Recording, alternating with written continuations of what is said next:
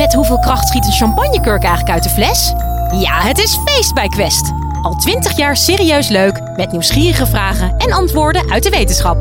Zo maken we Nederland elke dag een stukje slimmer. Nu in de winkel en op quest.nl. Hey daar, welkom in de wonderenwereld van de wetenschap in je oor. Ik ben Sophie Frankemolen en fijn dat je luistert. Door betere medische voorzieningen neemt onze levensverwachting de laatste jaren spectaculair toe. Boven de 80 worden we nu zo'n beetje allemaal. Maar betekent dat dan ook dat we gezond oud worden? Volgens medicus Marcel Levy van de Universiteit van Amsterdam is dat niet per se het geval. Live vanuit Club Air is dit de Universiteit van Nederland. Het succes van de geneeskunde vertaalt zich echt in een veel betere overleving. En dat is iets wat de laatste jaren een enorm steile helling is geworden. We leven steeds langer. Dat wordt heel erg zichtbaar. Dat zie je al om je heen op straat. Dat hoor je van je familie. Het is zo'n groot effect dat je het ook echt ziet in het dagelijks leven. Misschien heeft u enig idee, weet u hoe oud een mens wordt tegenwoordig, gemiddeld? 83, hoor ik iemand zeggen. Biedt er iemand meer? 85? Misschien een nuance. Man of vrouw? Vrouwen leven nog altijd iets langer dan mannen, ongeveer vier jaar langer. Dus voor de vrouwen is het, het is heel moeilijk om een exact getal te geven, omdat het inderdaad heel snel verandert momenteel. Maar het is ongeveer voor een vrouw rond de 85, voor de man rond de 81. En dat is heel veel ouder als bijvoorbeeld, laten we zeggen, 50, 60 jaar geleden. Want toen werden mensen ongeveer 70, 75 jaar. En het is goed om je dat te realiseren. Want de pensioengerechtigde leeftijd, pensioen is iets wat verzonnen is, zo na de Tweede Wereldoorlog, de AOW. Die is gebaseerd op het feit dat je dan je hele leven gewerkt had en dat je dan nog ongeveer 5 tot 10 jaar rustig, zonder hoeven te werken, kon leven. Maar dat is nu dus wel een heel klein beetje anders. Dus die hele discussie over uh, bij welke leeftijd je met pensioen kan, zou je in dat licht ook kunnen zien. En die kan dus inderdaad best nog wel flink omhoog. Want het aantal jaren dat je van je pensioen kan genieten is dus ook enorm toegenomen. Is overigens voor vrouwen dus een stuk langer dan voor mannen. Dus vrouwen kunnen natuurlijk ook prima later met pensioen dan mannen. Het is meestal de helft van de zaal die klapt bij deze opmerking. Uh, is nu ook. Maar het is indrukwekkend en het gaat nog steeds door. De baby die morgen geboren wordt, heeft 50% kans om 100 jaar te worden als het zo doorgaat. Toch wel iets om eventjes bij stil te staan. Nou, dat is heel mooi. Hoe komt dat? Nou, dat komt omdat we heel veel ziekten veel beter kunnen behandelen. We kunnen een heleboel vormen van kanker beter behandelen. We kunnen een heleboel vormen van hart- en vaatziekten beter behandelen. Een heleboel vormen van stofwisselingsziekten zijn beter behandelen. Longziekten. We zijn steeds knapper geworden in transplantatie. Als je nieren het niet doen, kun je nierfunctie vervangende therapie hebben. Een ander woord voor nierspoeling, dialyse. Eigenlijk wordt er steeds meer mogelijk. En dat leidt er dus toe dat we allemaal steeds langer leven. Maar ja, de vraag is natuurlijk, al die ziekten die weliswaar genezen kunnen worden, zijn die dan helemaal weg?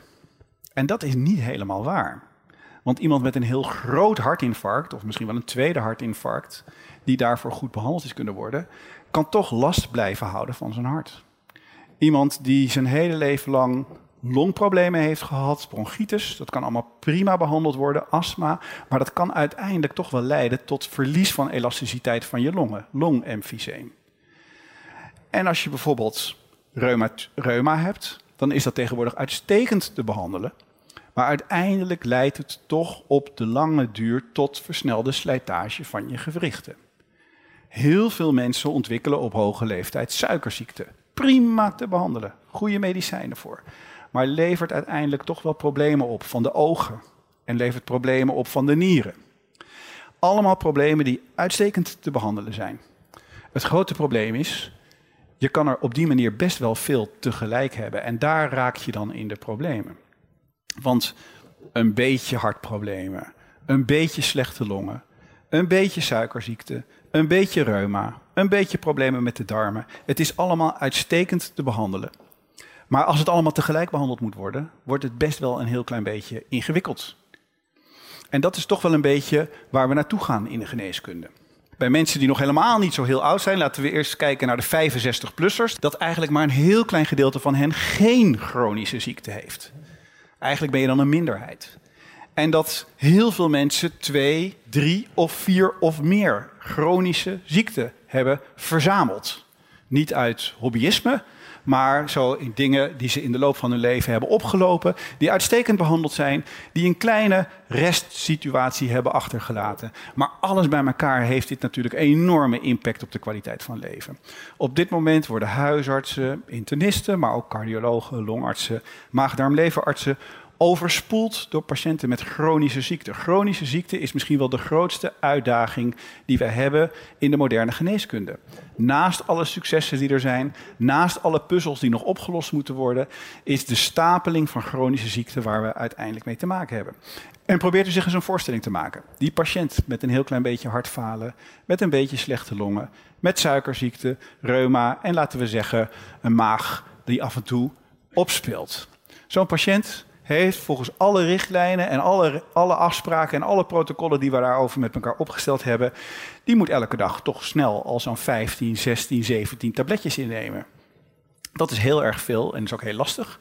En eigenlijk weten we niet zo heel erg goed hoe die tabletten werken als ze allemaal tegelijk in zo'n patiënt terechtkomen. Want we weten natuurlijk uitstekend hoe die hartmiddelen werken, hoe die longpufjes werken, hoe die maagmiddelen werken, hoe die reumamiddelen werken. Maar alles tegelijk, dat is nog maar heel erg weinig onderzocht. En het kan best zo zijn dat de medicijnen die je gebruikt en die goed zijn voor je hart, eigenlijk best slecht zijn voor je longen. En dat de medicijnen die je moet gebruiken voor je longen, de regeling van de suikerziekte enorm tegengaan allemaal onopgeloste problemen, geen grote problemen, maar in die patiënt bij wie dat allemaal samenkomt, kan dat toch wel heel erg veel bezwaren geven. Als je leest over gezondheidszorg en over geneeskunde in de kranten, dan valt ook één ding heel erg op. Het gaat verdraaid weinig over patiënten. Het gaat eigenlijk alleen maar over geld. De kosten van de gezondheidszorg vinden mensen heel erg belangrijk. Ligt ons heel erg na aan het hart. En dan kan je eindeloze debatten over houden of ze niet te hoog zijn en of we niet veel te veel geld uit moeten geven aan premie en of we niet veel te veel kwijt zijn aan al die behandelingen van al die mensen en of het nog wel zo nuttig is om bij 90-jarigen nog ingewikkelde operaties of dialysebehandelingen uit te voeren. Heel lastige debatten die denk ik wel gevoerd moeten worden. Maar wat weinig mensen zich realiseren is dat het allergrootste deel van die zorgkosten aan het einde van het leven, waarbij mensen dus een hele grote verzameling van chronische ziekten met zich meedragen, dat dat helemaal geen medische kosten zijn, maar dat zijn verzorgingskosten, verplegingskosten. En dat is iets wat we, waarvoor we hebben gekozen. Want als je in um, Frankrijk of in Italië of in Spanje uitlegt dat wij een heel belangrijk deel van ons gezondheidszorgbudget uitgeven aan huishoudelijke hulp, dan geloven mensen je helemaal niet. Hoezo huishoudelijke hulp? Als je een moeder geen boodschappen meer kan doen omdat ze kort van adem is vanwege de hart- en longklachten en omdat ze slechter been is vanwege de reumatiek, dan ga jij toch boodschappen voor je moeder doen? Of stofzuigen bij haar thuis, als dat nodig is, of de ramen lappen, of god weet wat er allemaal moet gebeuren. Maar dat hebben wij in Nederland voor gekozen, dat we dat niet gaan doen bij onze moeders. Dat doet de thuiszorg en de huishoudelijke hulp. Allemaal vergoed uit onze gezondheidszorgpremies. Je kan zeggen, nou, dat is een teken van welvaart. Het is toch mooi dat we dat met z'n allen in een vorm van solidariteit voor elkaar opbrengen.